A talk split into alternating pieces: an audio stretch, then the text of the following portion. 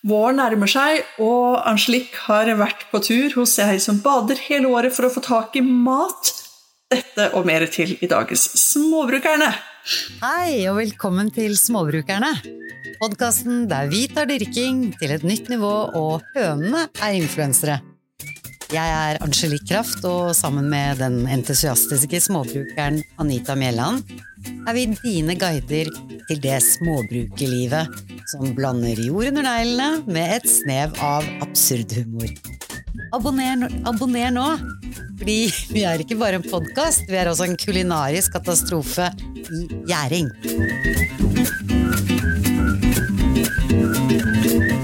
I dag har vi nyte våren. Sammen med fuglekvitter eh, på en hyggelig, veldig hyggelig og snøfri kaffeplass.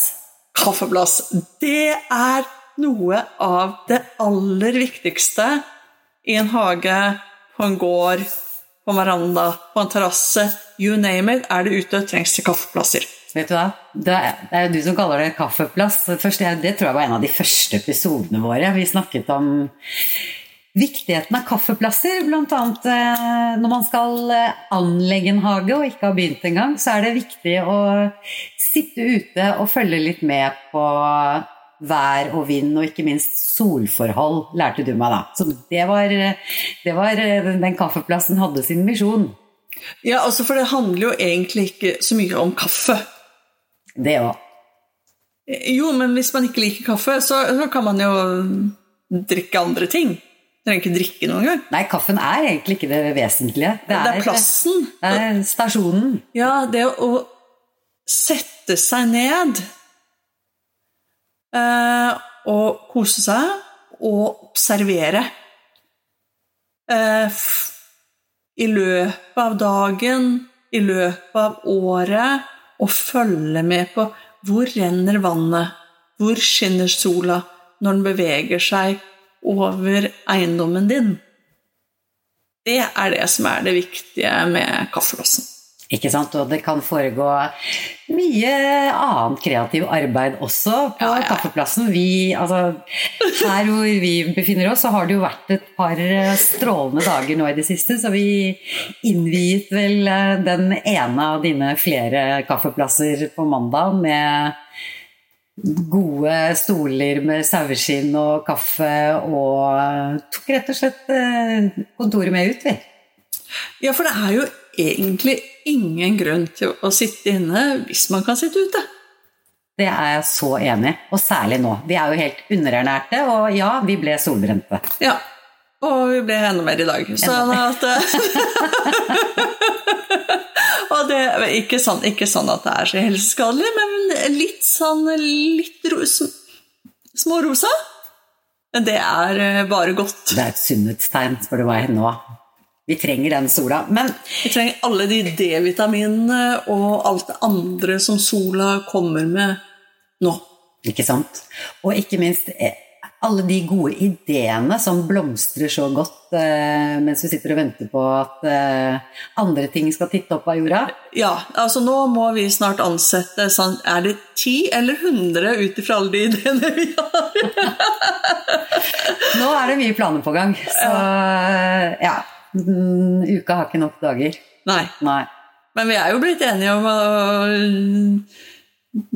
at jeg skal komme og hjelpe deg med noen av dine ideer hjemme. Ikke sant, Så la oss innvie deg, kjære lytter, i dagens lille idémyldring. Oh. Fordi som vi småbrukere sier, så er det jo gjerne de tingene vi kan befatte oss med både rundt husveggene og innenfor dørene, som er eh, det gode livet. Mm -hmm. Og da har det jo seg sånn da, at jeg har en uh, gammel villa som jeg har uh, klaget litt over de siste årene, for jeg syns det er mye å vedlikeholde og ta vare på og sånn. Og det er det jo. Og det er det jo. Det, det er det jo. Det hører jo med. Mm -hmm. uh, samtidig så er det jo et historisk sus over denne gamle Sensveitservillaen fra bygget i 1913, faktisk. Mm -hmm som eh, vi begynte å kaste litt ball fordi vi begynte å snakke om eh, historiske hager og kjøkkenhager og Eh, det som er tilfellet hjemme hos meg, er at eh, det var en gang eh, rips, nei, bringebæranker, ripsbusker, solbærbusker, rabarbra, plommetre, kirsebærtre, et par epletrær i denne hagen, som var matauk den gangen disse tingene ble dyrket. Og noe har blitt borte til fordel for gressplen de siste årene, og nå har jeg kjempelyst til å egentlig få fram litt det historiske suset som ikke bare huset har, men også hva var det egentlig som skjedde rundt de husveggene, og mm. hvordan så alt dette her ut i 1913? Ja. Det begynte vi å snakke om. Og så kom jo den røde løperen fra deg, da, min kjære kollega. Da fikk de tenning. Ta litt av. Gjør jo ofte det. Men, eh, nei, men det er jo noe med det der Jeg, synes, jeg likte jo godt tanken på en måte en slags reetablering av den mataukdelen som til og med her i gamle banksjef eh, Myhrer, som han het. Ja, eh, lagde den gangen de bygde det huset. Så selv om det var en sånn fornem greie, så, så var det matauk der òg. De fleste hadde jo kjøkkenhager hvis man hadde plass til det. Ja, mm. og det å ta det tilbake er jo, syns jeg, er helt fenomenalt. Og altså, du har jo et gammelt lysthus, til og med. Det er jo helt fantastisk. Ja, det hører med til historien, for det var egentlig der det begynte litt. At jeg har eh, ja, en, den er litt sånn en mer privat del av hagen, og der er det også mest sol. Der står jo dette lysthuset. Og i sin tid, når jeg ikke var hjemme en helg, så ble det bygget en trapp opp langs fjellveggen og en platting, sånn halvplatting med noe greier, gjerdegreier rundt det lysthuset, som jeg holdt på Ja, jeg ble så sur når jeg kom hjem og så det. Eh, for det hadde ikke blitt satt opp med min eh, vilje, i hvert fall. Og det skulle være en hyggelig overraskelse, men det var det ikke. Men det har i hvert fall blitt stående siden. Eh, og nå det, Hvis jeg skal begynne et sted, så er det det som skal ned. Og ikke passer det til dette huset heller. Nei, Så nå har vi bestemt oss for at dette skal rives. På lørdag skal det ja. sages ned. Det er det det skal. Og så begynner det, vet du. For der oppe er det jo ja, ikke bare en hemmelig hage, det er en oase som Anita mener at uh, jeg burde kanskje innvie flere mennesker i. Ja, altså hvor mye skal Nei, vi, skal vi ta av her? Nei, vi skal ikke ta Vi skal holde oss til det, det historiske preget. Ja, og det der å, å dykke litt ned i hva, hvordan var hagestilen altså Hva var det som var moderne den gangen det huset ble bygd? Eh, og se om man kan gjenfinne noen av sporene fra det hagedesignet som en gang var. Eh, det gamle landskapet hvor eh, noen vandret i fjonge kjoler, og andre luka i, I bedene, i bedene og, og, sånt. Og så se Fins det noen spor der? For du har jo nevnt at det der går litt trapp langs fjellsiden der, og at det vokser eh, ting og tang der. Og det å prøve å se om vi klarer å finne igjen noen av de sporene, og så vekke de til live igjen, hadde jo vært eh, supergøy. Det hadde vært veldig gøy. Å få 1900-tallspreget mm -hmm. til å bare lyse rundt som en ramme rundt huset. Ja, og så tok du av i huet mitt. Og så tok de av. Ja, men vi skal ikke røpe det nå, men i hvert fall men, men, men, kaffeserviser var en del av det, og for kaffeplassen må på må jo opp der. Så det skal vi gjøre før vi river trappa, før vi river plattingen. Så må det et par stoler der. Så skal vi rigge oss til på så, kaffeplass hos så, meg. Ja, og så etter hvert så kommer det sånn fjongt, tynt porselen og sånn type ting som ja. var inn på 1913 og der omkring. Å, det blir gøy! Sånn, vi kan jo røpe såpass at det er ganske mye business på småbruket som, som er oss om dagen. Vi skal jo tjene penger på dette. Vi skal tjene penger. Yep. Uh, først skal det jobbes. Først skal det jobbes. Det, men, det er jo, men, men, jeg tenker det er litt viktig å tenke over, fordi at det, hvis man ønsker å rive seg løs fra noe man ikke liker, så må man gjerne organisere seg på en måte som gjør at man faktisk kan klare seg, og til og med trives og gjør det veldig bra. på en annen måte. Og det, og det er det mange som har tenkt over nå. Og vi har jo begge tidligere hatt Airbnb i hver våre respektive boliger. Mm. Um, sånn at det, og det er ganske utbredt. Og det er noe med Det er jo noe som går an å tenke over. Det er ikke alle som har tenkt over at det er en mulighet, selv om de ser at andre gjør det. De tenker ja, men jeg har jo ikke en svær kåke hvor jeg kan leie ut en stor del av huset, eller et eller annet sånt. Da jeg hadde Airbnb, så hadde jeg De fikk soverom, privat inngang, og verdens minste do. I hvert fall minste vasken på den doen. Og det var det. De hadde ikke tilgang på kjøkken, de hadde ikke tilgang på bad. Altså, de måtte ned på sjøen og bade hvis de hadde og dit var det lyst, ikke langt å selge. det. Ja, var det verdens minste do, så var det verdens beste lokale frokost eh, du hadde klart til de, da. Ja da, og så kunne de kjøpt frokost i tillegg. Men, men man treng, poenget er at en trenger ikke å ha så stort rom for å leie ut en del av huset. Man trenger ikke ha gjestene oppå seg heller. Nei, og litt sånn som du sier, mange finner faktisk det veldig sjarmerende at det er eh, ikke helt som et hotellrom eller eh, akkurat som hjemme med alle fasiliteter. Det er jo en opplevelse man også kommer for. Ja, jeg fikk, eh, bruk- jeg fikk både reist på ferie selv for de pengene jeg tjente, og jeg fikk gjort, gjort ordna ting på huset med de pengene jeg tjente. Så det gjorde jeg et par år. Så det kan jo være veldig lurt hvis du har litt sånn uh, småbrukeraktige forhold rundt deg. Så eh, burde du absolutt se om du har et, uh, noe rom å avse som kanskje du kan legge ut på ja, f.eks. Airbnb. Da. Ja, eh, så kan man jo gjøre noe mer ut av det og ha mer type klassiske sommerpensjonater som du krydde av i våre områder. Mm. På 1900-tallet. Ja, på 1900-tallet. Ja, men, men det var jo en vanlig attåtnæring på, på småbruk og, Og ikke minst i vanlig, skjærgården. vanlig hus i skjærgården. Folk flyttet jo ut av husene sine og bodde i telt og leide ut eh, husene. Ja, det gjør de jo eh, fortsatt. Ja, det gjør de jo enda faktisk. altså, hvis du lurer på hvor, hvor blir det av de Kragerø-folka som leier ut hele huset sitt på sommeren? Jo da, de, noen av de bor som sånne loffere rundt omkring, enten hos venner og kjentes sofaer, eller i telt og campingvogner og, og campinghytter på Jomfruland. Så der blir de fastboende av, så blir du greie på det.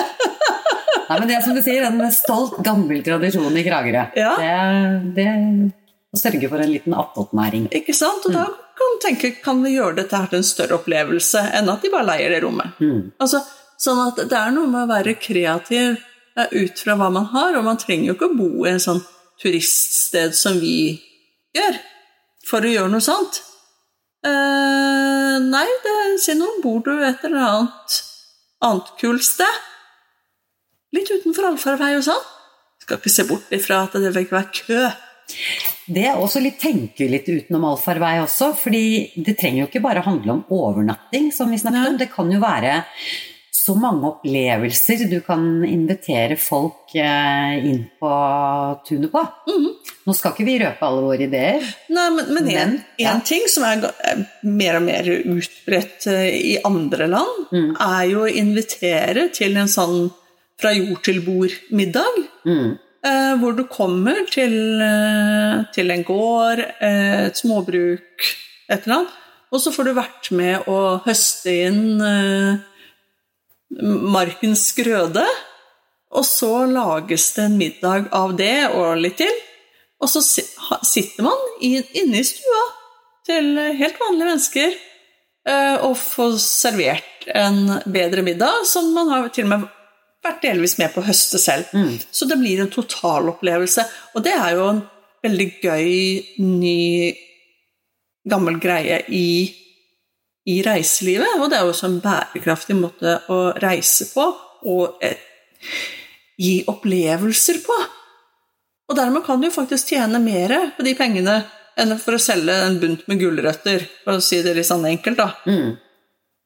Hvis du har gjester inn som er med på å høste de, og tilberede de, og så spise de, så blir det en meropplevelse som du tjener himla mye mer penger på. Penger på. Uten å dyrke mer. Ikke sant? Så, så er bryt ut av det. Tenker at ja, men ingen vil til meg. Ja, hvorfor vil de ikke det? Hvorfor skulle de ikke ville til det? Jeg tror de faktisk vil. Det er, eh, Det er så- morsomt så man- å ta på man må seg de snu- brillene. Det Snu tanken på hva er det man ønsker å oppleve selv. Det er eh, Jeg fikk i hvert fall Altså, jeg syns ikke jeg har et uh, sliten, gammelt hus lenger. Nå ser jeg Nå bobler det av muligheter. Så Mhm. den ekstra gevinsten rundt å ta noen sånne skravlestunder på kaffeplassen, de, eh, de kommer det masse glede og masse energi ut av, og masse ideer. Ja. Så takk for det. Ja, det, var, det er gøy. Og så er det, jeg, sy jeg syns jo det er gøy å da bare ta noen helt enkle regnestykker oppi det hele. Og da, da hender det at en tenker Å, søren! Hvorfor har jeg ikke gjort dette før? Jeg må begynne nå.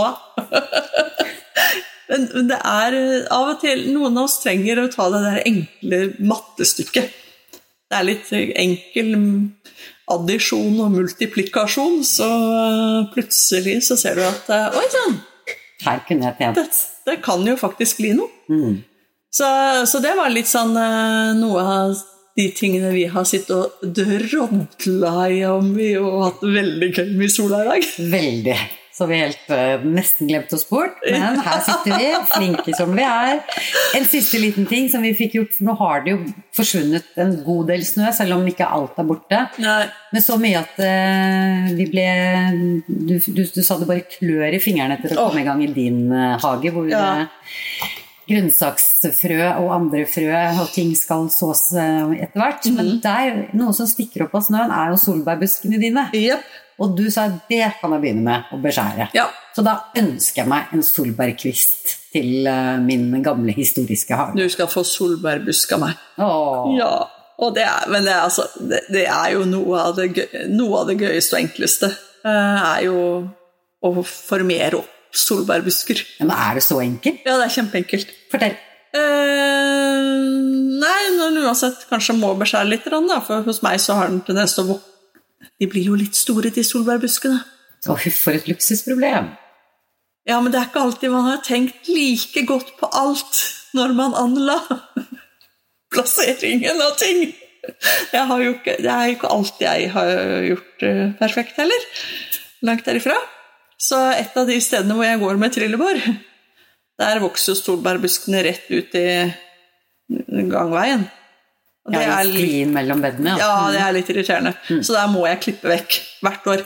Det betyr at det kommer jo masse nye skudd i den retningen hvert år. Som må bort. Og da er det sånn at hvis man da tar en potte med jord, en litt sånn stor, høy potte eh, Fordi at jeg er litt lat, så jeg syns det er greiest. Og så tar den de der eh. Kvistene Mm. med sånn ganske nye skudd, eh, og så skråskjærer de litt, og så stapper ned i jorda. Sånn at det er en sånn eh, tre, fire, fem sånne skudd som man ser på, på stilken, som kommer ned i, bak, ned i jorda. Og så putter jeg ned flere i den samme potta, da. Så det ikke blir så himla mange potter. Og så passe på at det er fuktig jord, og så trer det en plastpose over for å holde på fuktigheten. Og så kan de stå der. Og så slår de rot. Og så kan man dele de fra hverandre. Og så er det ikke alltid altså det er liksom ikke alltid 100% som slår til. Men på solbær så slår de fleste til. Mm. Og dermed, når de har vokst litt, så kan de få hver sin potte, og så kan de stå og vokse videre. Og så eh, etter hvert så har man busk. Det er- Etter hvert betyr ikke samme år. Det jeg sier, ja. Eh, bare sånn, eh, Vi snakker etter hvert. Det tar, det tar jo noen år fra unnfangelse til fullvoksen. Det det tar ikke like mye lang tid som for mennesker. Men eh, du får ikke svær busk i løpet av to år. Eh, Men det er greit. Men det er jo litt av gleden. Det er jo samme som å Ja. ha plantet et bitte lite epletre, og Ja. så se på, følge med på at det vokser. Eller solbærbusk. Ja, for det tar jo tid, så det, det gjør det jo. Men det, det er veldig enkelt. Det har hørtes uh, forfriskende enkelt ut. Og så er det helt gratis. Ikke minst. Og det er jo veldig fint. Mm. I hvert fall hvis man starter fra scratch da, og ikke har en eneste solbærbusk. Og du vil jo ha flere hvis du skal være selvforsynt med solbærtoddy. Og det vil du jo. Det vil vi. Alle vil det. Hvis ikke, så er det noe man ikke har skjønt. Så, så det er um, Så jeg skal formere opp en del solbærbusker. eh, Eller lage en del solbærbusker i år. For det trengs til både til eh, din reetablering av historisk hage, og til, eh, til andre prosjekter. Til andre prosjekter. Ja.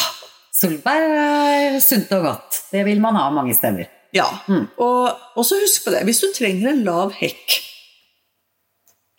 Hvorfor ikke ha en spiselig en? ta en, lag en spiselig lav hekk. Solbærbusker blir ikke høyere enn 1,20 høyde. Med andre ord, du trenger ikke å kutte den ned hvert eneste år. Ikke plantuia, som er, kan bli 30 meter høy. Hvis 20-30 meter høy hvis du ikke klipper den. ikke sant? Altså, det, er et svært tre. Ikke plant det som hekk. Nei, det er én ting. Og så elsker jo jeg sånne multifunksjonelle Ja. løsninger. Mye morsommere. Både hekk og en spiselig hekk. Ja. Så eh, spis, spiselige hekker, helt topp. Noen roser innimellom der, f.eks., for eksempel, så er de en superpen også. Så man kan mikse forskjellige buskevekster inn i hekker. Da blir det mer gøy òg. Og, og mer mat. Og mer mat. Og litt forskjellig å plukke. Og Og som er modent forskjellig tid. ja, og bedre for fuglene, og bedre for mikroorganismene nede i jorden, og bedre for alt. Der står jo den fast. Det er bedre for alt. Så nei, det er uh, moro. Og Men du, ja. en, en annen liten, eller en annen driftig dame. Du, du røpet jo litt grann at jeg hadde vært ute Ja. på tur hos en som bader hele året. ja.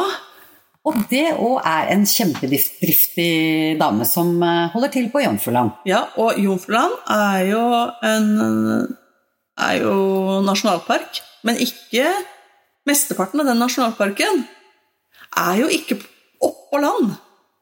Den er jo under vann. Den er marin.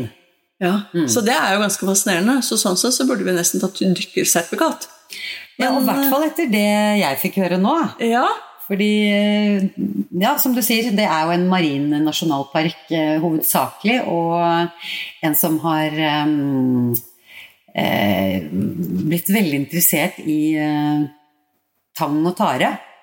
Og alle de forskjellige artene som eh, vokser eh, rett i- ved rullesteinene i, langs ja, på Jomfruland. på utsida på Jomfruland, ja. på Jomfruland. ja det, I Kragerø heter det på utsida. Ja, det er utsida, kaller vi det.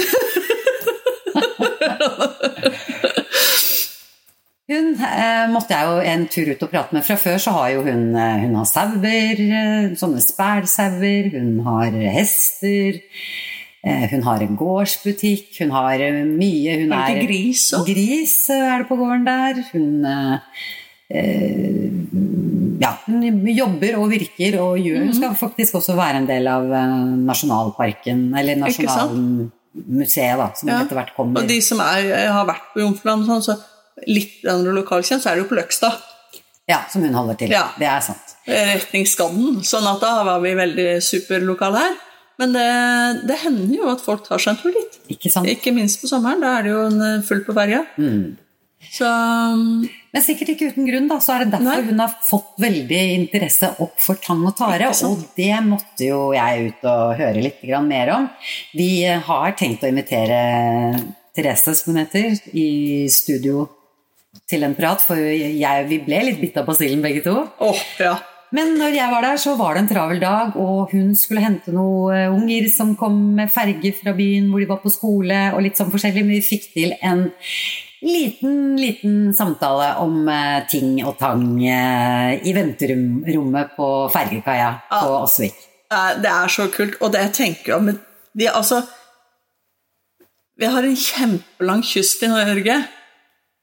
Og så mye av arealet vårt ligger under vann, og der vokser det tang og tare. Og det eneste jeg egentlig kan om tang og tare fra før, er jo å bruke det som gjødsel i potetåkeren. Ja, det har jo vært en Altså, det ligger Det der er, gratis, eh, så det er jo dumt å ikke bruke det. Uh, ja, jeg har jo ikke brukt det sjøl ennå, jeg bare snakka om det. Men Og næringsrikt er det òg. Pappa har vokst opp med ha gjort det, så at det, det er jo kjempenæringsrikt. Og at eh, man har det til tørka form i sushi. Det er Der, der er min tang- og tarekompetanse i utgangspunktet. Så dette her er eh, veldig, veldig gøy. Og tenk på som en mulighet for en attåtnæring å utvikle dette her med tang og tare for alle kystens småbruk. Ikke sant? Nei, men bli med inn i venterommet, da, så skal vi høre hva eh, Therese forteller. Ja, det blir gøy. Therese, du eh, flyttet til eh, Jomfruland for tre år siden nå. Men når var det du fikk sansen for tang og tare? Det var egentlig for to år siden.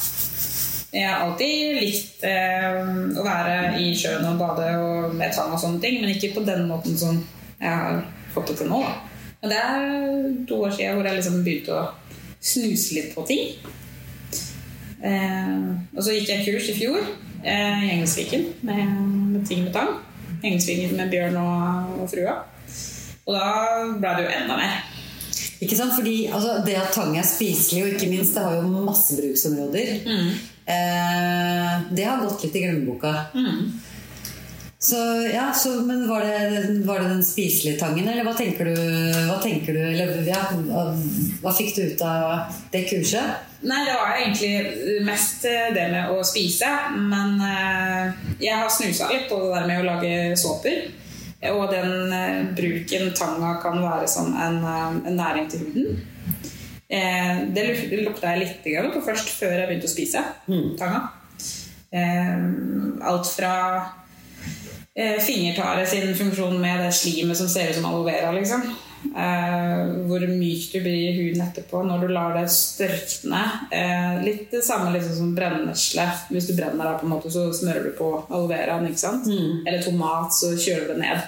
Og da fant jeg ut at eh, sånn som med de ulike typer tangsortene, eh, så har de en effekt på kroppen også bortsett fra at du skal spise de. Eller kan spise de, da. Så da begynte jeg å lage såper med, med blæretang og med sukkertare. Jeg lekte meg litt mer med fingertare etter det kurset med, med tingetang. Eh, For da var det Bjørn som sa at ja, men da må du prøve fingertare med den geleen. Eh, For de bruker det som en tilsetning for å få ting stivere. Mm. Så de lager panna cotta, liksom. Desserter med tang. Og det er jo dritkult. Naturlig Eh, gelatin. Ja, ikke sant? Eh, Men også det at det at det smører huden. Så det var egentlig han som sa bare at test ut det, liksom. Eh, og jeg gjorde jo det. Eh, og jeg har jo ikke slitt med eksem etterpå, for jeg har jo slitt med eksem. Men det er jo ikke noe sånn, Jeg vet ikke om det er en hokus pokus, men det har i hvert fall funka for min del. da. Og helt naturlig. Og helt naturlig. Der er det økologiske ingredienser fra Salome. fra dette. Det er en gård. eh, De driver og importerer inn Det er jo ikke norske varer, det i eh, Beklageligvis, da. De økologiske varene. Men det er i hvert fall økologiske rene bivoks, skje av smør, kokosfett. Ikke palmeolje og sånt uh, humbug-greier. Og fremmedord som du ikke har peiling på hva er for noe. Og hva de har eh, tilført, ja. Ja, Um, og det at det skal være så enkle ingredienser i såpene. Uh, og så begynte jeg å teste ut det der med å, å sanke tang riktig. Og det å spise tang. Hva det gjør med kroppen. Hvor mye du trenger egentlig eh, av alle mulige andre matvarer da, for å kompensere for den lille mengden med tang. Eh, men også den der, eh, hva det som skjer med maten når du tilsetter tanga. Den der umami-biten som på en måte eh, vekker til live andre smaker i maten. Da. Så da testa jeg og samboer ut eh, kyllingsuppe med, med tang i. Eh, og det var med sukkertare, tror jeg. jeg mener det var. Og da tørka sukkertare eh, fra utsida eh, og knuste det godt som pulver. Putta det da en mengde i kyllingsuppa. Eh, og så hadde vi en annen kyllingsuppe, samme kyllingsuppe, men uten tang. Og så lot den liksom kose seg sant, med tanga. Og den der smaken, det smaksforskjellen Og så Den der kyllingsuppa ble så daff, den, der, den andre. Og så kom den her som en sånn der, en vekker. da Eller eh, blåskjell eh, Hvis du Ja, blåskjellsuppe, for eksempel. Eh, med litt scampi, hvitløk, chili og sånne ting. Og så den tanga på toppen, eller også inni. Så, så smakte det mye mer enn uten. Åh, jeg kjenner at jeg blir sulten bare når du sitter og forteller.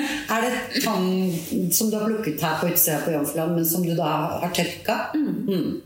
Det er spesielt utsida. Eh, nå må jeg bare se an været litt. Grann. Eh, og så tør jeg ikke å reise aleine hvis ikke jeg vet at det er helt stille. Nei, for du dykker jo ut og plukker selv. Og vi skal snakke litt om hvordan man skal sanke, fordi det er ikke bare å røske løs, liksom. Nei. Men hvor mye tangsorter eh, og typer er det du finner her ute som er spiselige og gode?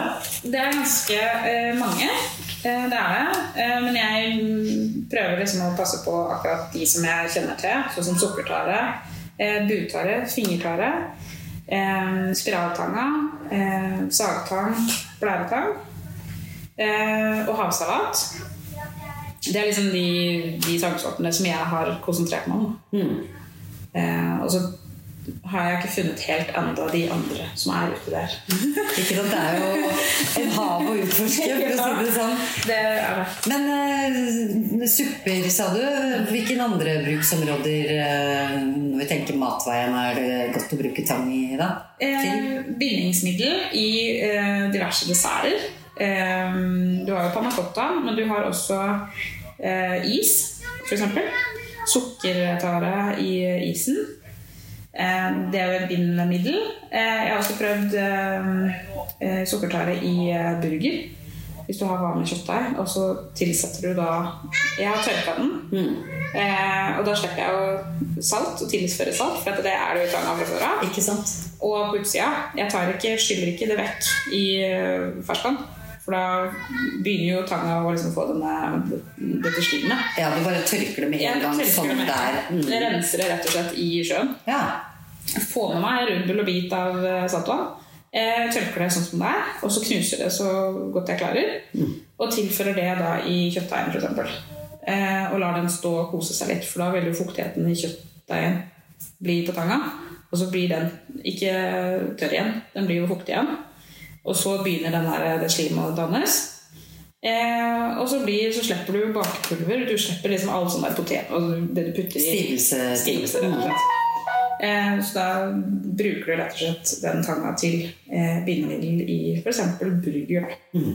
Og så snakket du noe om noe sylta Ja. tang òg. Eh, Det var faktisk eh, Ting med Tang som hadde eh, en sånn prøvegreie som vi lagde da når vi var på det kurset. Og Det var sylta, eh, sylta tang. Jeg har prøvd det med sylta sagtang. Og det er så latterlig godt at når jeg hadde kurs i, eller sånn test da, under småbyhelg, så satt jo folk og maula sylta. Det er jo tilsvarer jo sylta rødløk-type ting. Jeg liker samme sånn 1-2-3-oppskriften med eddik og sukker og vann. Ja. Ehm, og så er det bare de tuppene på tanga. Du kan jo prøve alle mulige sorter tang. da. Ehm, men jeg har jo prøvd med, med eh, sagtang og blæretang sammen. Og bare sagtanga.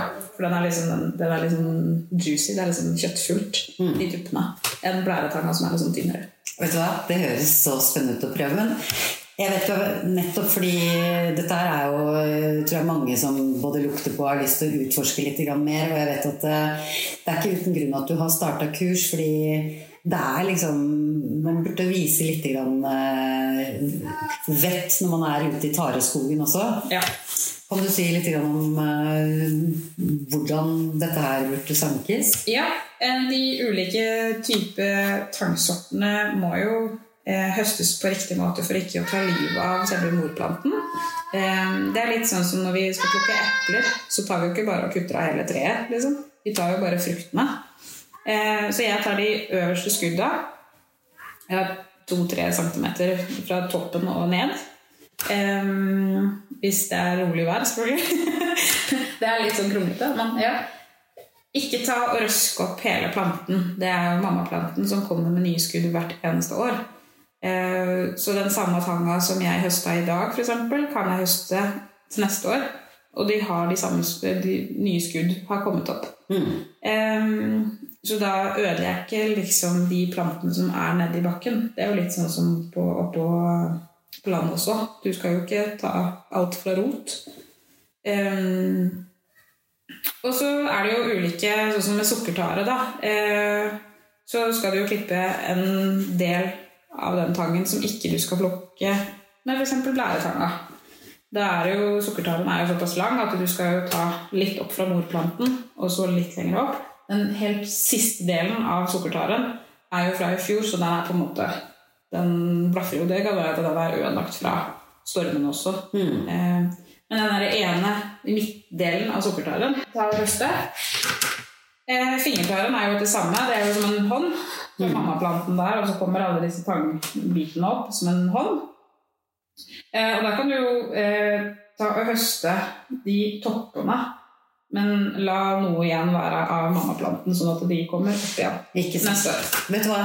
Det er noen barn som skal hentes på skolen her. Litt forskjellig. Det var. Ok. Men jeg bare tenker helt til slutt, da, fordi jeg vet de står og venter utafor. det høres ut som det er lurt å begynne på et kurs og bli med noen som kan dette her, og eh, finne ut av hvordan eh, man skal høste det, Ja. og så forske videre. Men en ting du sa eh, til helt til slutt, du sa noe om at eh, alle de fordelene med å bruke det i hudpleieprodukter. Men det er jo veldig sunt tang også. Altså, hvilke næringsstoffer er det vi kan meske oss med når vi spiser tang? Det er veldig mye forskjellig. Du har proteiner, aminosyrer, eh, omega-3 og omega-6 blant annet. Eh, Det er jo A-vitaminer, D-vitaminer Du har egentlig de fleste vitaminene inn i én liten teskje. Eh, Og jeg lærte det at eh, 600 gram med grønnsaker tilsvarer 600 gram eh, Nei, 6 gram med tang. Så det er ganske lite tang du trenger for å liksom ha den grønnsakshandelen etter, da. Ikke sant, Det høres nesten ut som sånne spirer. Sånne, Ja. ikke sant, At de har så, Det har- det er så konsentrert med næringsstoffer. Da. Mm. Så man skal ikke spise for mye av det heller. For det er også Det inneholder også jod. mm, Eh, og så er det jo noe jod, det må du ha. mm, Eh, altså du får jo kjøpt jodtabletter på butikken, liksom. Eh, så ikke for mye av det. Eh, jeg mener, sånn som Bjørn sa, at mye av det her skiller seg ut via kroppen Mm. sjøl. Hvis ikke jeg tar feil. Jeg mener det. Eh, men du skal jo ikke spise deg mett på tang. Det er jo bare en tilleggs... Eh, hva heter det? Tilleggsnæring i maten. En smakstilsetning, som du sa, umamien, og som et kosttilskudd. Ja. er, det er det er ikke hovedingrediensen. Nei. Nei. Nei, men det er egentlig veldig viktig å få slått fast. Du, så utrolig inspirerende å høre på. Ja, jeg syns vi skal eh, hoppe litt i havet sammen med Therese og lære litt mer om dette her. Jeg ble kjempeinspirert. Ja, og jeg tenker mye på Du vet at jeg, jeg driver jo og leser eh, litt sånn ekstra mye på sånn kosthold og tarmflora og masse rare ting eh, for tida. Enda mer enn jeg, jeg har pleid de siste årene. Men uh, en av de tingene som er litt gøy, er jo det derre altså Sånn som han forskeren eh, Tim Spector sier at man skal få i seg 30 ulike planter i løpet av en uke. Uh, Og det er hver uke, men ikke Det, det skal ikke være sånn I løpet av en måned så blir det liksom ikke 30-60-120 forskjellige planter. Så gærent er det ikke. Men si 30 forskjellige planter i løpet av en uke. Og det trenger ikke være store mengder av hver.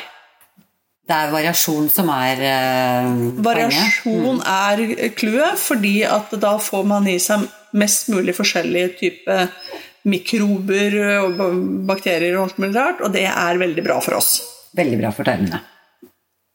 Ja, Og for oss, selvfølgelig. Det jo- tarmene, det, det gjør jo at eh, vi faktisk Det er veldig bra for kroppen vår, det er én, men ikke minst huet. Altså vår mentale helse.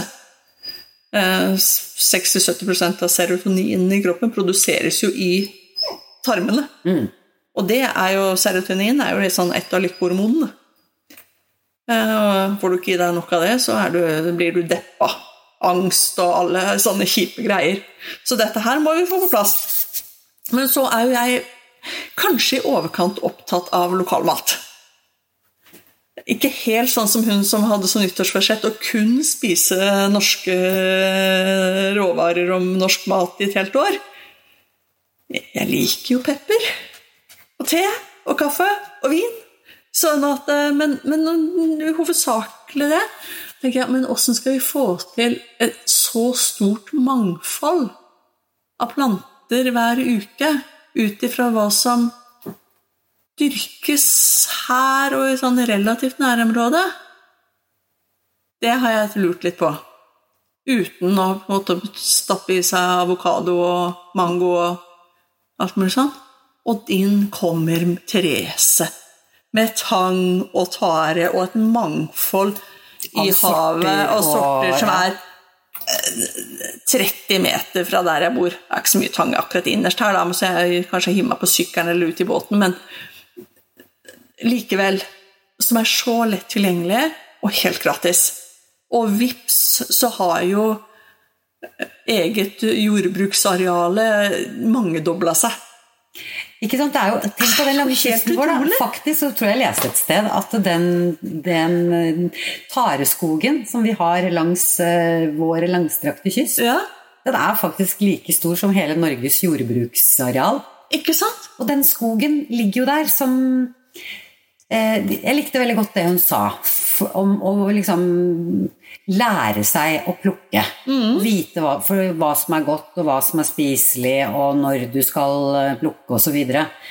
Fordi um, det, er, det er jo nesten som å lære å plukke sopp.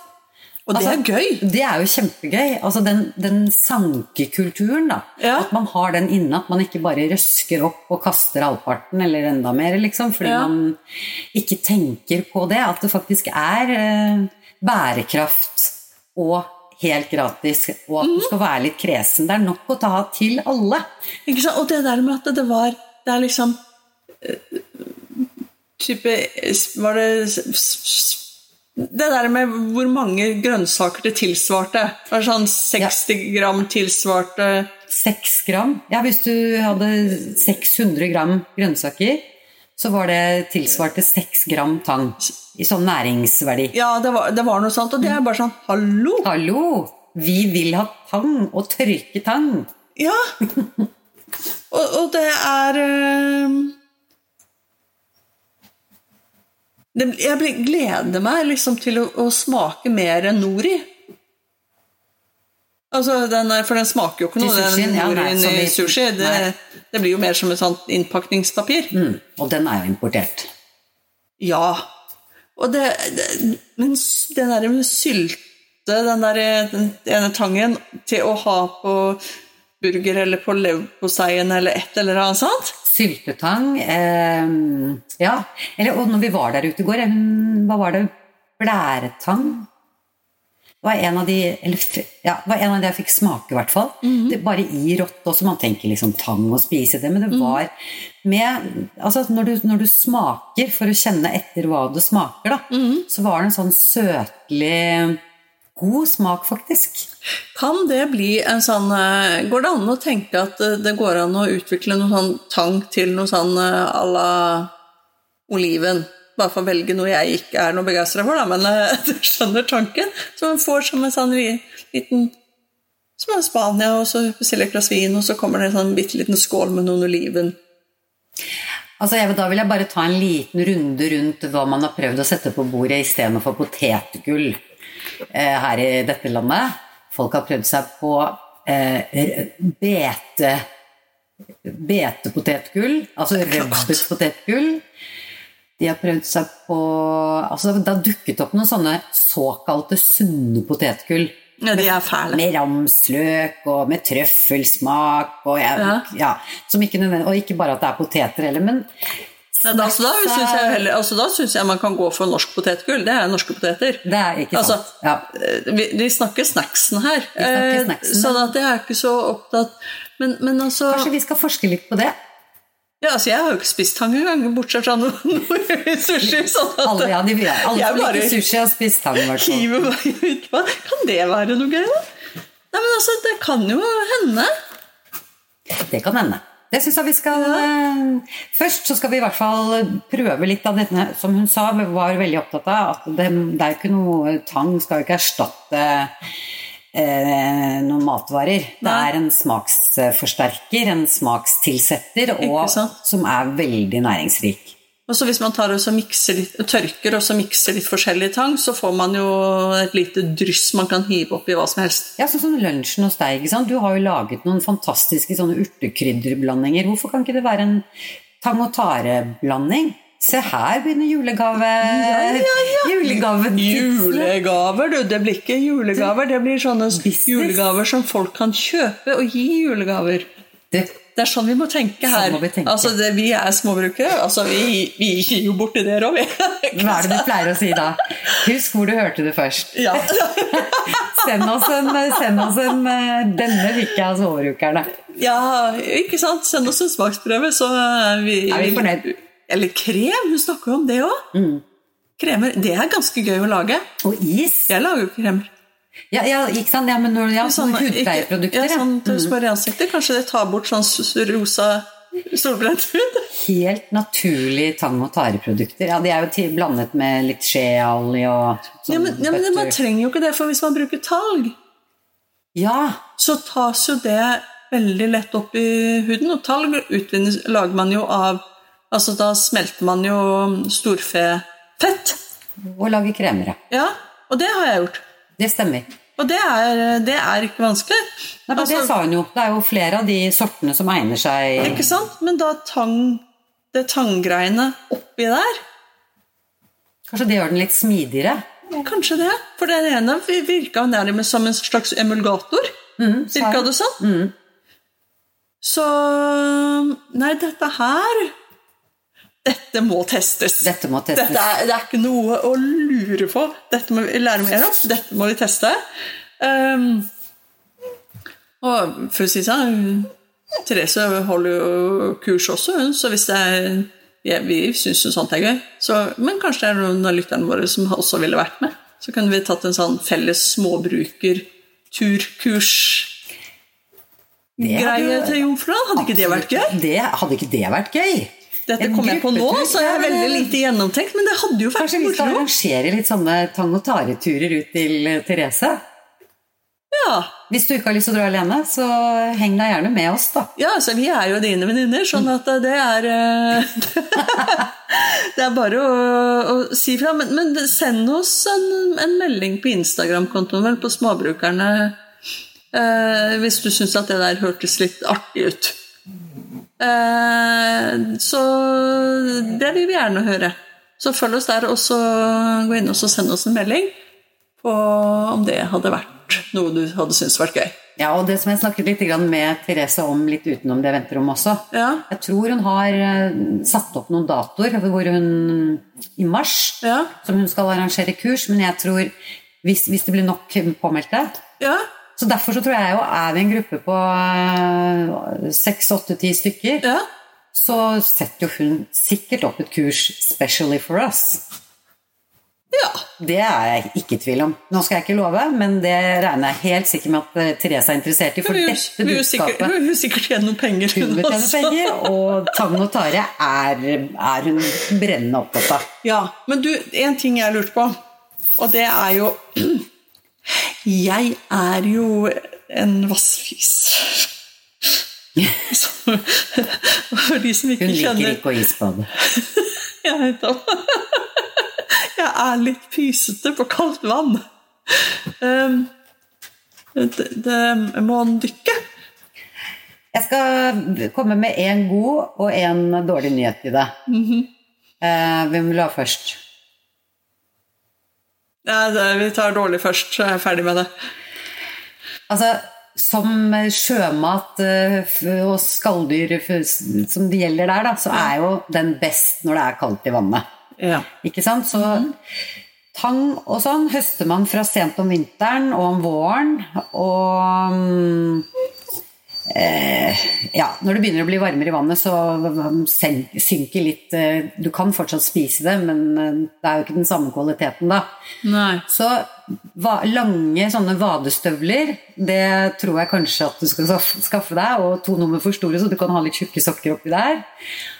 Og så er den gode nyheten at veldig mye kan du vasse og plukke. Du må ikke svømme dypt og langt, men som Therese fortalte, så er det jo noe, altså noe mm, tang og tare som vokser på dypet, som også er eksklusivt og veldig godt.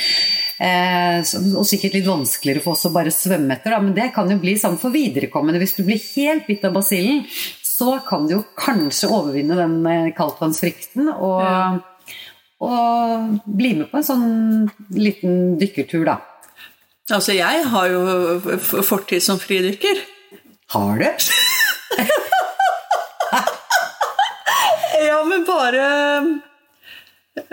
det, Dette høres rart ut. Bare i basseng. Jeg drev et år med undervannsrugby. Har du gjort det? ja? Ja, det var kjempegøy. Okay. Men, men vi hadde ikke Vi sleit litt med bil, og vi, vi var jo tenåringer, så det var litt sånn Og det, treningene var et stykke unna, så var, og ikke var det noe busstrafikk dit, så det var eh, Vi sleit etter hvert med å komme oss på treningene. Men du, vannpolo har jeg hørt om, men, Ja, men det er- undervannsrugby? Ja, ja, jeg Kaster man steiner da, eller? Nei, altså det er, det er jo baller her med, med Jeg tror det var saltvann inni, for det synker de. Eh, og så var jo det var kurvball på, på bånn, liksom. Så kurvene var jo liksom på hver sin side av bassenget på dypet, da. Var det på Stavangerkanten? Ja, ja, ja. ja det Fins det andre steder? Undervannsrugby? Peiling eh, Ja, sorry at jeg avbrøt. Ja. Og da mm, kaster man ballen til hverandre, men man kan også på en måte få tak i det, sånn at det var litt fysisk. da. Og så da, er det jo å dykke ned med, med snorkel og dykkevaske, og så svømmeføtter. Og så er det jo å spille ball, rett og slett, under vann. Og så opp innimellom for å puste, og så ned igjen. Sånn at dette her eh, Så, så ja. Det syns du kvalifiserer til å kalle deg for kvi- Fridykker. Man måtte faktisk ha fridykkersertifikat for å drive på med det på, i kamp. Sertifisert også? Ja, nei, jeg var ikke sertifisert. Som sagt, transportproblemer. Men uh, uansett, så dykking er ikke så vrient. Men, uh, men da lurer jeg på For du har jo padla mye kajakk. Mm. Sånn, jeg har hatt meg våtdrakt. Det er jo kaldt. Eh, altså, det blir jo ikke noe var særlig varme av. Men tørrdrakt, er det noe sånn eh, Holder det gugge, altså gugge her i betydning iskaldt vann ut? Skjønner, dette her kan jeg ikke. Nei, men for å si det sånn, altså de fleste tørrdrakter er jo egentlig litt sånn Det skal du helst ligge og flyte i. Det er ikke noe, det, er- det egner seg kommer ikke for ikke ned. De, altså, de, det er jo det er derfor våtdraktene er jo som en sånn ekstra hud på kroppen. Det Ja. jo, ikke sant? Og det er ikke så kaldt. Så lenge du har da også du har med sånn hette, og så må du ha, ha hansker, og så må du ha støvler, sånn at alt er tett. da. Og da kan du dykke. Så det er våtdrakt som Så gjelder. det er våtdrakt som gjelder? Det er våtdrakt som gjelder. Okay. Men vi kan begynne i, vask i vannkanten. Vasse. ja. Så kan vi tørke litt, og så kan vi, så kan vi eksperimentere litt. Og så kan vi se hvordan huden blir, og så kan vi bevege oss på dypere vann etter hvert. Ja. ja, men du vet at der kommer det inn denne vassfisen her, da. Jeg kan jo Det der å vasse Altså om sommeren når du skal bade Det å vasse uti, det får jo ikke jeg til. Jeg, for meg er jo det litt sånn seigpining. Nei, men Derfor jeg sier man har sånne våte støvler. Så jeg må jo alltid hoppe uti, Mm, jeg vet. og da går det greit. Nei, men sånne våt... Hva heter det? Sånne vadestøvler. Vadestøvler. Det Ja. ja, men når du skal bøye seg, kommer det ikke vann nedi Nei, men Du må ikke gå, du må ha sånne lange som rekker opp i knærne. Jeg tenkte på sånn hel dress som fluefiskerne har, jeg. Ja. en vadebukse, Ja. ja, da, da kan du gå lenger ut. Det Ja. skulle man kanskje hatt, faktisk. ja. Vadebukser. Vadebukser. Nå er det ganske dyrt, men kanskje det fins noen brukte på Finn eller noe? Noen som kan gjenbrukes til eh, tare- og Hvis jeg går en del ned i vekt, så kan jeg låne Jeg vet jeg er en som har. Han har tynnere enn meg. Men det fins sikkert noen sånne litt sånn røslige laksefiskere og fluefiskere rundt Jeg kjenner jo opptil flere av de, så det, vi, det Ja. skal vi ordne, Anita. Ja, nei, men Der har vi en løsning. så det, Nå snakker vi så langt inn i det. Men dette her er praktiske ting. Hvis man skal høste, så må man jo vite hva man skal Det må utsette man. seg for. Og jeg så faktisk når hun var uti, så hadde hun med seg saks, og så hadde hun med seg et nett.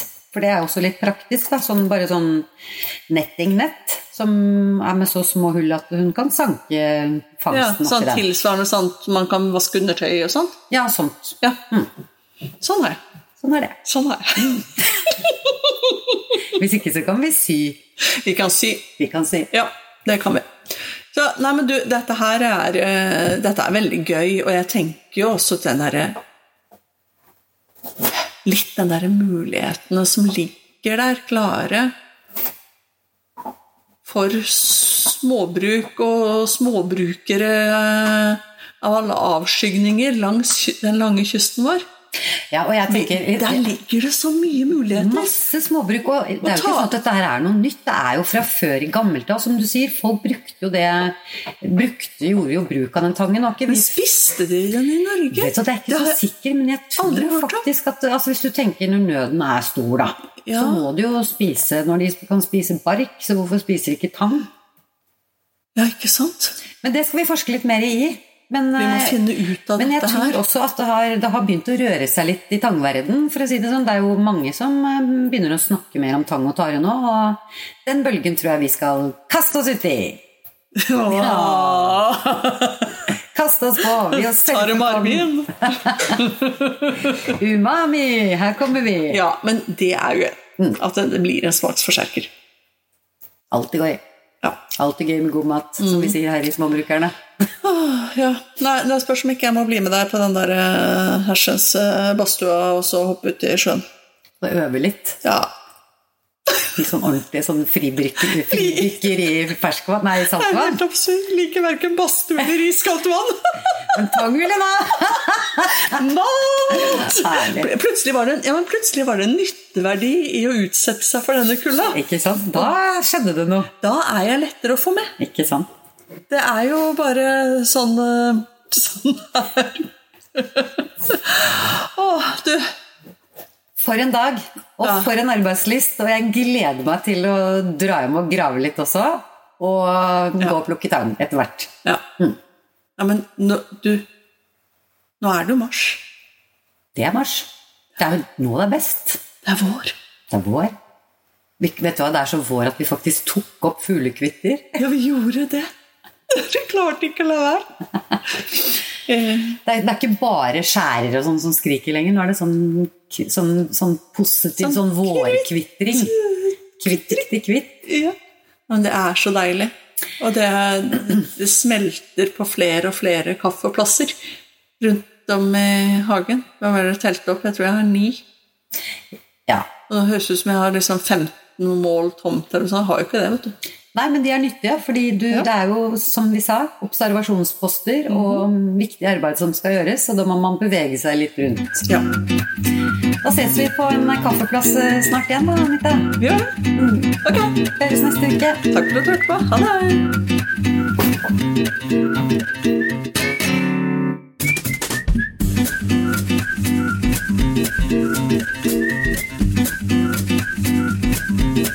Thank